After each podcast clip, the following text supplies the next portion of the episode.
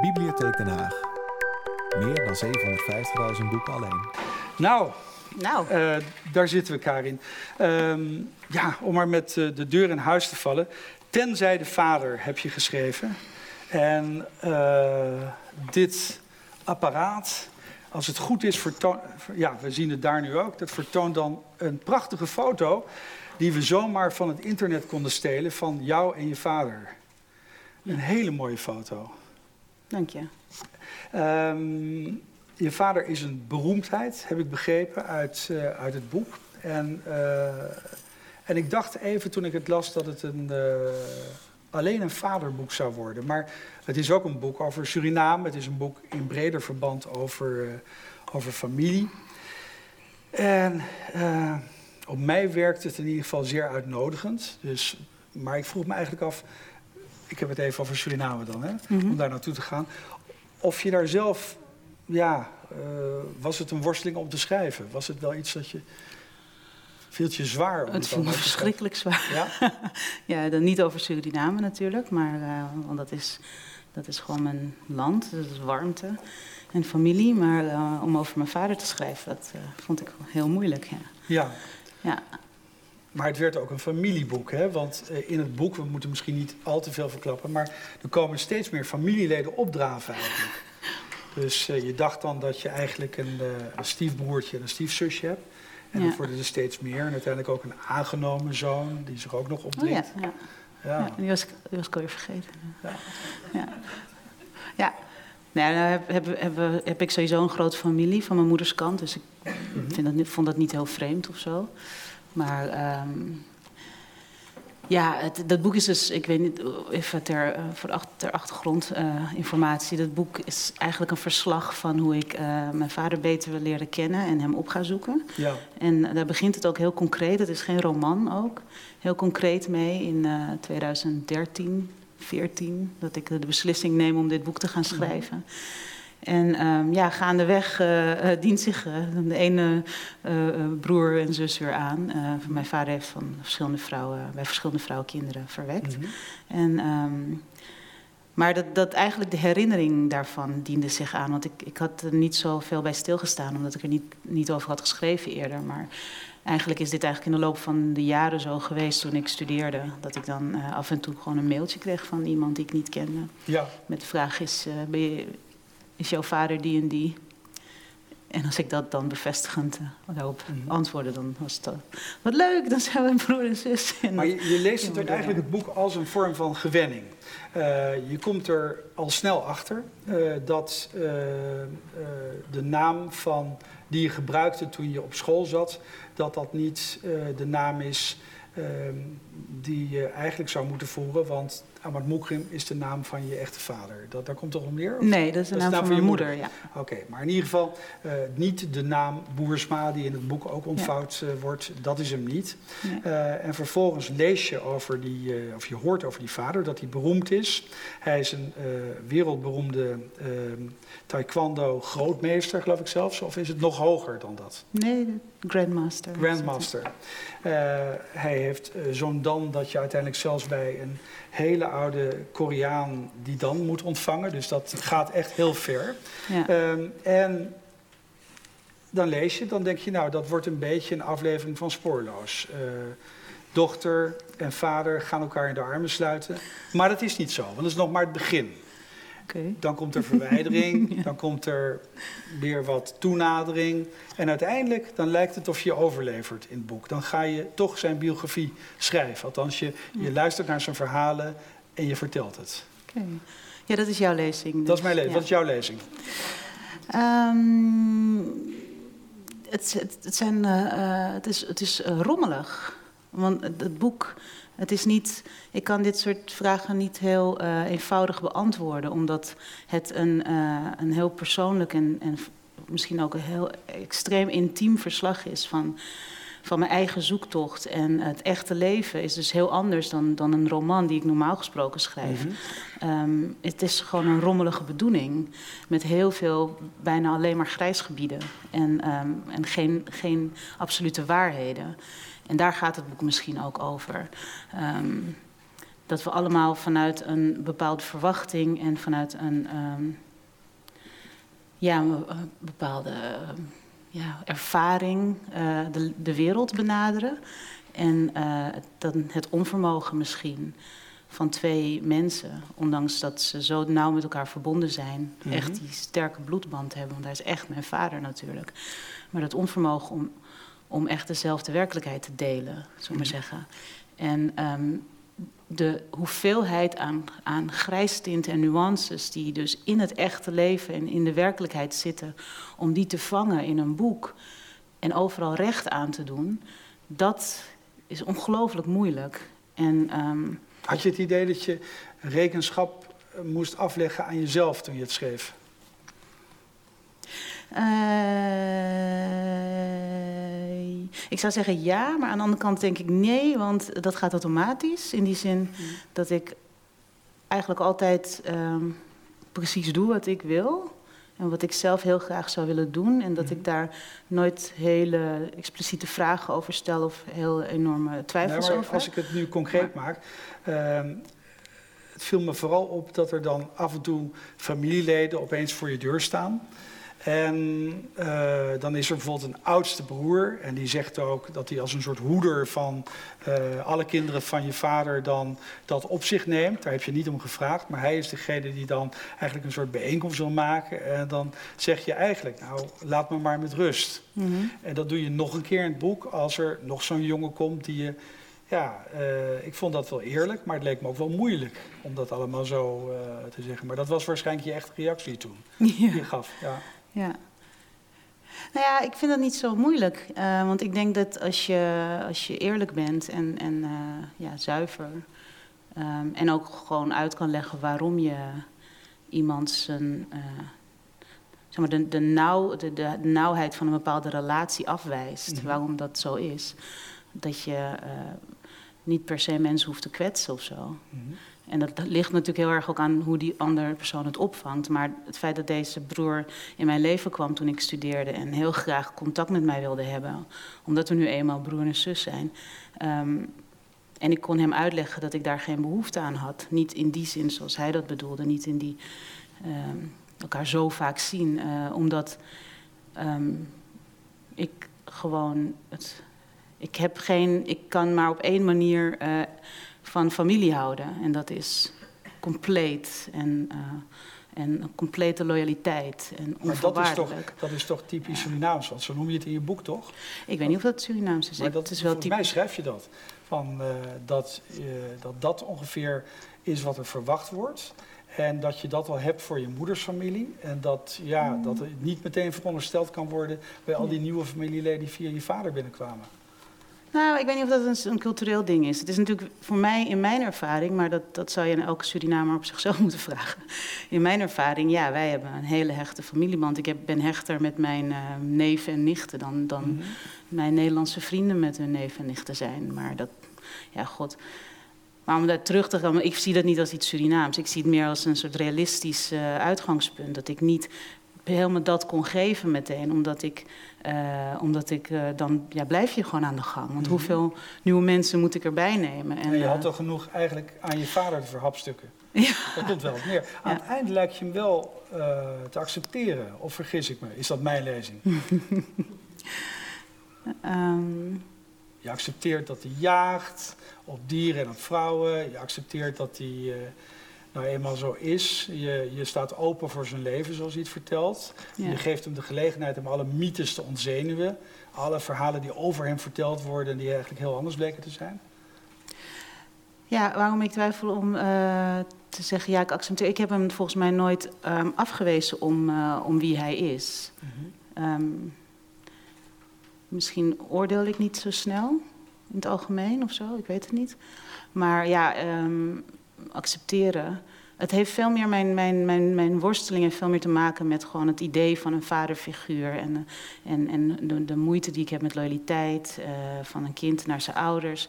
Dan dat het, heeft, dan dat het te maken heeft met of mijn vader, mijn echte vader, er al dan niet was in mijn leven of zo. En hoe hij zijn leven heeft ingevuld, ja, dat is aan hem. En ik denk dat er mensen zijn die dichter bij hem stonden, die daar eh, schade aan hebben um, ondervonden, dan ik. ik. Ik heb er niet zoveel van meegekregen verder. Ehm, en ik, wat ik wel, zeg maar, ja, dat is misschien wat je bedoelt qua acceptatie. Wat ik, wel, ik heb wel een bepaalde waardering. Ja, zeker een waardering voor de manier waarop hij leeft. Het is iemand die ongelooflijk hartstochtelijk en, en vol overgave zijn eigen pad kiest. ik begreep heel goed waarom die uh, studievrienden zo enthousiast terugkeren. Ja. In het boek worden die vooruitgestuurd, want je hebt nog niet je vader ontmoet. En zij willen heel graag naar Suriname en ze willen dan ook even kijken of hij wel goed volk is. Ja. Nou, ze komen als fans terug. Ja, ja dat was wel dat was leuk. ja. nou, en ook wel een beetje gek.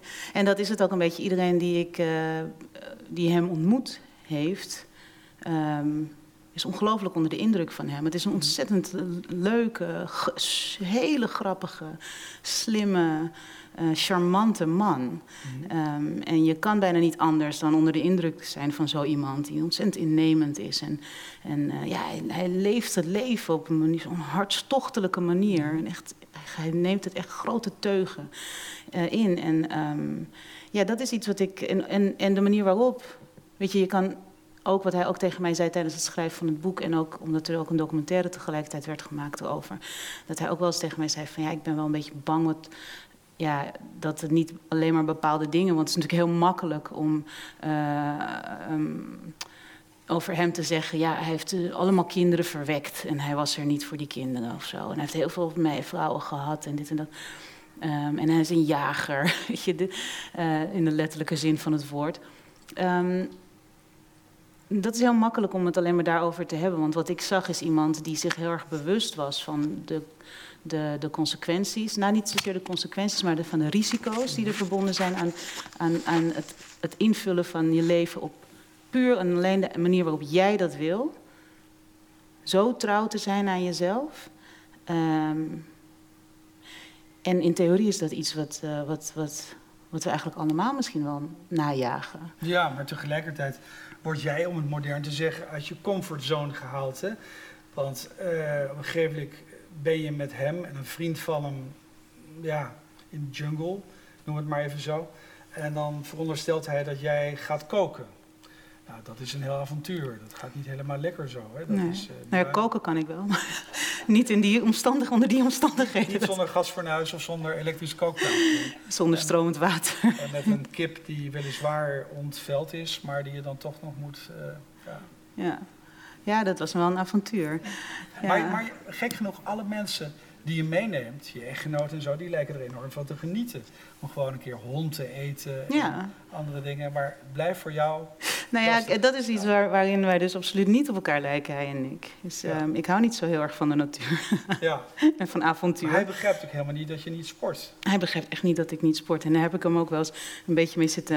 Ik heb hem ook echt op de kast gejaagd met de opmerking. Hij is, op een gegeven moment, uh, jaren geleden, uh, gingen, uh, gingen we echt zo samen zitten. En toen keek je me heel ernstig aan en zei hij: Karin, is het nou echt waar dat je niet sport? Helemaal niet? Hou je echt niet van sport? Van beweging, want een gezonde geest in een gezond lichaam, et cetera. En toen zei ik: Nee, er, sterker nog. Als ik de tram moet pakken, dan bel ik eerst een taxi om me op te halen om me dan naar het tramstation te brengen. Nou, daar schrok je verschrikkelijk van. En dat, en dat zeg je dus echt tegen uh, nou ja, een van de grootste sporthelden die ja. Suriname heeft. Ja. Ja, ja. kan op zich zijn reactie wel een beetje voorstellen. En, uh, nee. uh, nee. en aan de andere kant is hij natuurlijk ook wel heel trots op je. En uh, vond hij het ook wel heel erg mooi dat jij uiteindelijk over hem wilde schrijven. Ja. Dat moet toch een goed gevoel geven, lijkt me.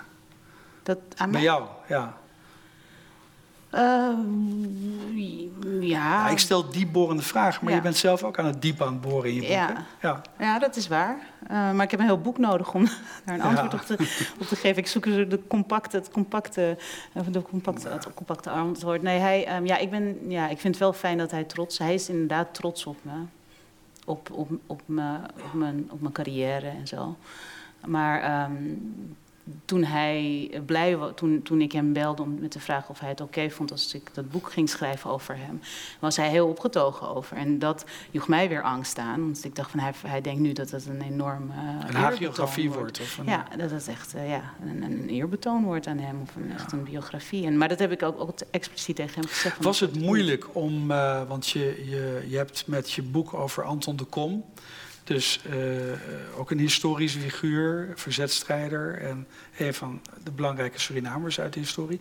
Heb je natuurlijk ook dat pad moeten betreden. Je hebt ook over iemand moeten schrijven die een nationaal symbool is. En ja, daar schrijf je dan toch op jouw manier over, met alle vrijheid die je neemt. Ja. En dat deed je in zekere zin nu weer over je vader, die ook iemand is die iedereen kent, iedereen kent hem. En, Zeker. Ja, was dat lastig? Nou, met mijn ervaring van de, dat, dat een deel van de Surinaamse gemeenschap uh, niet onverdeeld blij was met, met mijn boek over de kom. Dat zat natuurlijk wel in mijn achterhoofd. Mm -hmm. Maar uh, tegelijkertijd, ik kan ook gewoon niet anders dan uh, schrijven zoals ik schrijf en mijn eigen keuzes mm -hmm. najagen. En dus nee, het heeft me toch weer niet, mm -hmm. niet beïnvloed. Um, maar ik was me laten zeggen dat ik me bewuster was, dat ik realistischer was. Uh, in de verwachting dat er misschien uh, niet alleen maar applaus zou komen vanuit, uh, mm -hmm. vanuit die hoek. Um, maar het heeft me zeker niet tegengehouden. Ik kan niet op een andere manier schrijven mm -hmm. dan dit. Er komt een citaat voor in je boek, althans, citaat, het staat vol tekst, maar ik licht er één zin of een paar zinnen uit. Mm -hmm. Een dronken stiefvader, een jeugd in armoede.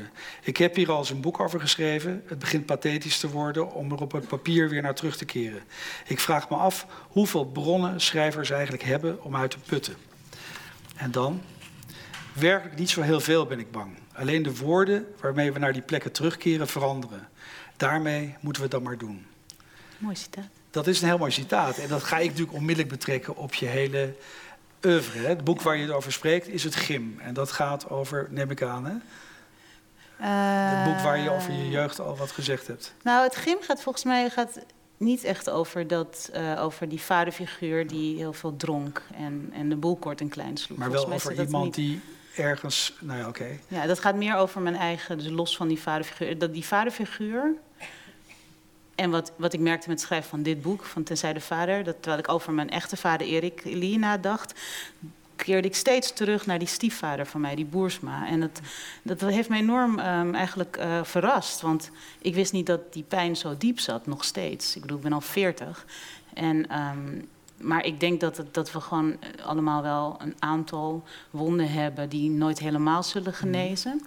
En die stiefvader, die zit wel in mijn tweede boek van heel lang geleden, wanneer we samen zijn. Die zit daar vrij letterlijk ja. in. En um, ja, ik was, ik was ook geïrriteerd om te merken dat dat, dat nog opspeelde. En daarom, dat was een soort. Ik sprak tegen mezelf in dit citaat: -hmm. van. Gaan we het daar nou weer over hebben? En inderdaad, die jeugd wel dan in, in armoede. Uh, moeten we daar nou weer over hebben? Maar dat zijn natuurlijk wel de vormende jaren voor mijn karakter ook geweest. En voor wie ik gewoon nu ben. En wat ook meespeelt, mm -hmm. side note, is dat ik in de jury's vorig jaar zat van uh, PC Hoofdprijs. En wat je dan doet, is dat je hele oeuvres gaat lezen mm -hmm. van, van, uh, van schrijvers. Mm -hmm. En opeens zag ik enorme, enorme uh, lijnen lopen, heel duidelijk. En je, thematiek je zag gewoon dat bij meer schrijvers eigenlijk zo god. Ja, en ik schrok daar enorm van. Ik dacht van, oh god, ik hoop niet dat er ooit iemand mijn hele oeuvre achter elkaar gaat lezen. Uh, kijk, jij leest het dan, maar er zitten steeds twee, drie jaar tussen. een paar jaar tussen natuurlijk. maar als je dat in één keer doet, denk je, oh jee, oh jee. Dus dat, uh... Maar dat je dan ontmaskerd wordt of dat ze echt uh, door je heen kunnen kijken, is dat het gevoel? Of de angst? Ja, ik denk de ontmaskering. Het haalt hem iets van de, van de magie weg natuurlijk. Ik denk dat, we al, dat alle schrijvers dat, dat hebben en, en diezelfde uh, een aantal plekken hebben waarnaar we terugkeren. En dat, en dat dat hoe dan ook, ook ben je er niet van bewust dat het toch doorcijpelt in elk werk wat ja. je maakt. Um, nou ja, ik wou ook een Ischa Meijertje op je loslaten. Ja. Dat ik toch een beetje dacht van, was Anton de Kom niet een omtrekkende beweging om het uiteindelijk over je vader te hebben? Nee, eerlijk gezegd, Anton ja. de Kom was voor mij een beweging om het over mezelf te hebben. Oké. Okay. Ja. Hoe dan? Nou, ga ik uh, heel uh, eerlijk zijn. Um, ik, ik meende in, in hem iets van frustratie te herkennen en een, iets van onvermogen of iets van van eh, verdriet, wat ik vaker zie bij migranten, bij, laat, bij Surinamers die in dit land komen en die ergens doorheen willen breken. Mhm. En het is een, het is een soort onzichtbaar web waar we het niet over mogen hebben, want dan speel je weer de slachtoffer en het slachtoffer weet ik veel wat. Maar er is een soort onderstroom ehm, die, die alles veel moeilijker maakt en die mensen niet zien. Maar als je het met Surinamers onder elkaar erover hebt, dan weet iedereen precies waar het over, wat je bedoelt. En eh, bij Anton de Kom meende ik iets daarin te zien. In hoe hij ook op een gegeven moment ehm, zo kwaad en zo boos en zo gek is geworden en zo. Mhm. En, ehm, maar ook, dat vond ik, vind ik het hoopvolle aan, aan, aan zijn verhaal. En behalve al de prachtige dingen die hij, waar hij voor stond, ehm, is dat hij zich heeft herpakt en door is gegaan. Ja, En, ehm, ondanks alles. En, eh, Mhm. Dus ja, ik heb, het, ik heb ook als schrijver, zeg maar, hij, hij wilde in eerste instantie een schrijver zijn. Was Ja. mijn, is mijn interpretatie van hem. Eh, dus nee, dat gaat niet over mijn vaderfiguur. nee, dat gaat inderdaad over jou. Ehm, ehm, we kennen elkaar al lang. Ja. En op je vijftiende, dit klinkt wat dubieus, maar, ja, maar eh, eh, op je vijftiende eh, ja, wilde je kennelijk als schrijver worden. Dat las ik later in het gym, het boek. Wat natuurlijk fictie is, een roman, maar goed. als een levenspad zo loopt, als ja, daar een beetje zo in wordt uitgestippeld, dan wil ik je toch wel vragen van, heeft het schrijven je veel opgeleverd? Ben je er blij mee? Ja, ja zeker. Het heeft me gewoon een thuis opgeleverd. Gewoon een plek waar ik gewoon eh, echt thuis ben. Echt Ja. onderdak vind. Klinkt Ja. heel pathetisch natuurlijk, maar zo voelt het wel. Het is gewoon een plek waarin ik onderdak vind. Ik heb het niet hier in Nederland, ik heb het niet in Suriname. Ik was vanmiddag had ik een interview bij de Tong Tong Fair met allemaal Indonesische Nederlanders. Ik heb het niet, ik, ik ben ook regelmatig in Indonesië. Ik heb het niet in Indonesië. Ik heb het in mijn, eh, En, mijn en, gek genoeg, eh, eh, ja, dat zou je natuurlijk wel weer verbazen, maar ik las dit als één grote uitnodiging om naar Suriname te gaan, dit boek van je. Jij? Ja, Nou, wat een avontuur, wat geweldig. Mensen die drinken daar whisky, gaan naar cafés, doen geweldige dingen. Hangt vanaf wie je, Ja, met ja. wie je... Maar ja, het is ontzettend gezellig in Suriname, Ja. dat is zeker waar. Maar dit klinkt niet als een eh, bezoek aan een, aan een bitter thuis op een bepaalde manier. En ook, het is, klinkt ook, het leest ook niet als een, eh, als een bezoek aan iets heel exotisch. Het klinkt ook wel als iets dat inmiddels eigen is voor je. Ja, maar dat is natuurlijk het vers- verschil wanneer een Surinamer over Suriname schrijft. Ja. Dan is het geen exotisch boek, het is gewoon Ja. mijn... Nee, maar omdat je zei van mijn thuis is uiteindelijk het schrijven. Ja. Ja, kijk, Suriname is mijn fysieke thuis. Dat schrijf ik ergens ook volgens mij in dit boek. Dus ondanks dat je met je hoofd eh denk, kan je van alles vinden. Maar zodra ik in mijn lichaam in Suriname komt gewoon thuis. Je voelt Mhm. dat heel letterlijk. Ik denk, als ik naar mijn witte echtgenoot kijk, dan zie ik dat zijn lichaam een tegenreactie Maar geeft. hij had, wel die, hij had wel die hond, hè? Hij had wel de hond, ja. Maar en hij vroeg nog zo meer. Hij vroeg een tweede portie. Hij heeft een tweede portie hond genomen, ja. Deed hij dat om je vader te imponeren?